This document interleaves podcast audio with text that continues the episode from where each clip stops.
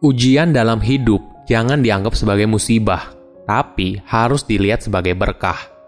Halo semuanya, nama saya Michael. Selamat datang di channel saya, Sikutu Buku. Kali ini saya akan bahas kisah inspiratif dari Chandra Putra Negara. Dia merupakan pengusaha sukses, sekaligus sosok di balik channel YouTube Success Before 30 dengan jutaan subscribers. Sebelum kita mulai, buat kalian yang mau support channel ini agar terus berkarya, caranya gampang banget Kalian cukup klik subscribe dan nyalakan loncengnya. Dukungan kalian membantu banget supaya kita bisa rutin posting dan bersama-sama belajar di channel ini.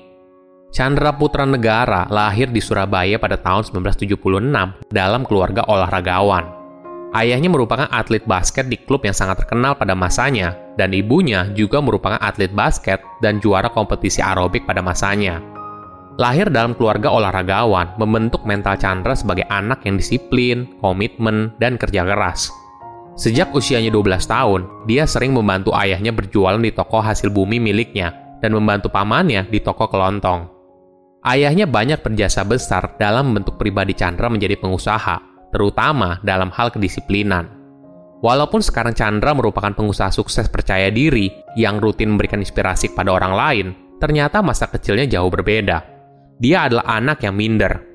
Saat masih duduk di bangku SMP, Chandra sering jadi bahan bully teman sekelasnya karena tubuhnya yang kurus dan krempeng. Bahkan tidak jarang juga, dia pulang dengan kondisi kaki yang bengkak dan wajah yang lebam.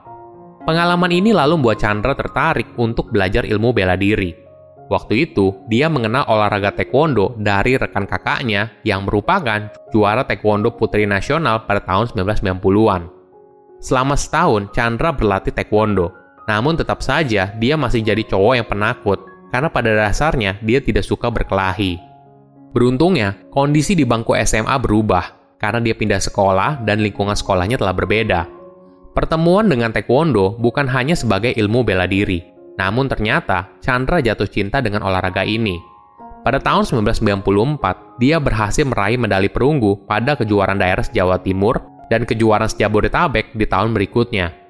Puncaknya, Chandra berhasil menjadi juara satu di kejuaraan daerah Provinsi Jawa Timur pada tahun 2000. Setelah lulus SMA, dia lalu melanjutkan kuliah di Universitas Surabaya Teknik Industri.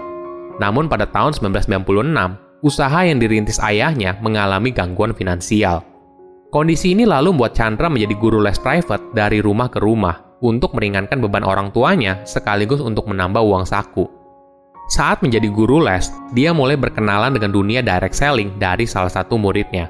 Dari situ, dia berkenalan dengan seorang Crown Star Director yang merupakan posisi tertinggi dalam karir direct selling perusahaan tersebut. Namun sayangnya, perusahaan direct selling itu tidak bertahan lama. Saat krisis moneter tahun 1997 dan 1998, perusahaan itu bangkrut karena kurangnya komitmen dari manajemen puncak. Padahal, jaringan distributornya telah mencapai 1000 orang dalam waktu dua setengah tahun. Chandra pun saat itu mampu membeli mobil sedan untuk mendukung operasional bisnisnya. Akhirnya, dia pun keluar dan mengikuti partner bisnisnya untuk berkiprah di kakak Indonesia. Begitulah hidup, kadang kita tidak tahu kapan terjadinya badai. Pada tahun 1999, ini merupakan tahun yang cukup berat bagi Chandra. Dia dihadapkan pada tiga tantangan hidup. Pertama, dia harus menamatkan kuliahnya. Kedua, mengembangkan bisnis direct selling sebagai perintis. Ketiga, ibunya sakit keras dan masuk rumah sakit. Saat itu Chandra bangun pagi hari untuk membangun jaringan bisnisnya dan tidur subuh untuk menemani ibunya yang terbaring di rumah sakit.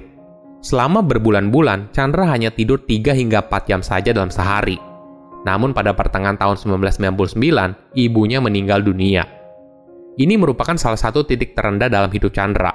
Dia terpuruk, putus asa, dan depresi berat. Ditambah lagi, selain usaha ayahnya yang bangkrut, dia juga harus menanggung hutang ibunya karena ditipu oleh rekan bisnis sebesar 400 juta rupiah. Angka ini merupakan angka yang fantastis, mengingat Chandra masih berusia 22 tahun yang tidak punya modal sepeser pun pada masa itu.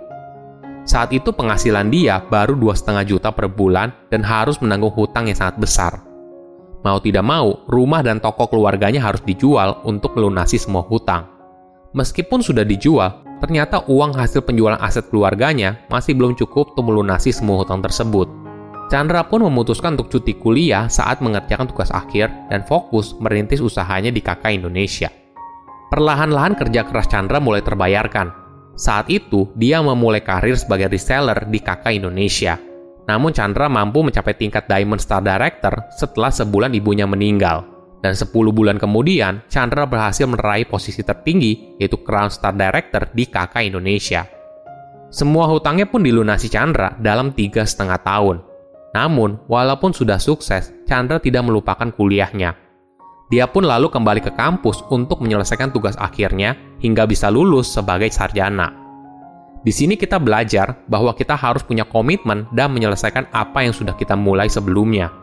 Sebagai informasi, Kakak Indonesia adalah perusahaan direct selling di bawah APLI, Asosiasi Penjualan Langsung Indonesia, dan WFDSA, World Federation Direct Selling Association. Produk Kakak Indonesia meliputi lima lini utama, yaitu produk suplemen kesehatan, skincare dan kosmetik kecantikan, perawatan diri, barang-barang konsumsi, dan fashion. Kini jumlah reseller kakak Indonesia telah mencapai 1,2 juta reseller dan kakak Indonesia berencana IPO di Bursa Efek pada tahun 2025. Saat ini, Chandra merupakan pengusaha, motivator bisnis, penulis buku, dan YouTuber. Di bawah CPN Group, Chandra memiliki enam anak perusahaan yang bergerak di bidang direct selling, konsultan bisnis, interior, pelatihan perawatan wajah dan spa, percetakan, media, dan fashion. Chandra memberikan tips buat kamu ketika mengalami ujian hidup. Dalam hidup, memang kita tidak bisa menghindari ujian hidup yang berat atau diibaratkan sebagai badai. Sama halnya ketika kita mau naik kelas, maka kita harus menghadapi ujian. Ketika kita maju terus, badai pasti akan berlalu. Oleh karena itu, kita perlu mindset yang tepat. Saat ada masalah datang, kita punya dua pilihan, kita menganggap hal tersebut sebagai berkah atau musibah. Respon kita sangat penting ketika mengalami masalah. Saat kita menganggap hal tersebut sebagai berkah, maka kita menganggap badai dalam hidup sebagai pembelajaran. Beda halnya ketika kita malah menganggap hal ini sebagai musibah. Kita merasa sedang mengalami kesialan, menyalahkan diri sendiri, menyalahkan keadaan, dan sebagainya. Hal ini malah membuat kita tidak maju. Chandra bercerita pengalamannya sendiri. Karena lahir dalam keluarga olahragawan, dia menjalani hidup yang sangat disiplin. Chandra bercerita, dulu mulai dari umur 4 tahun, dia sudah belajar berenang.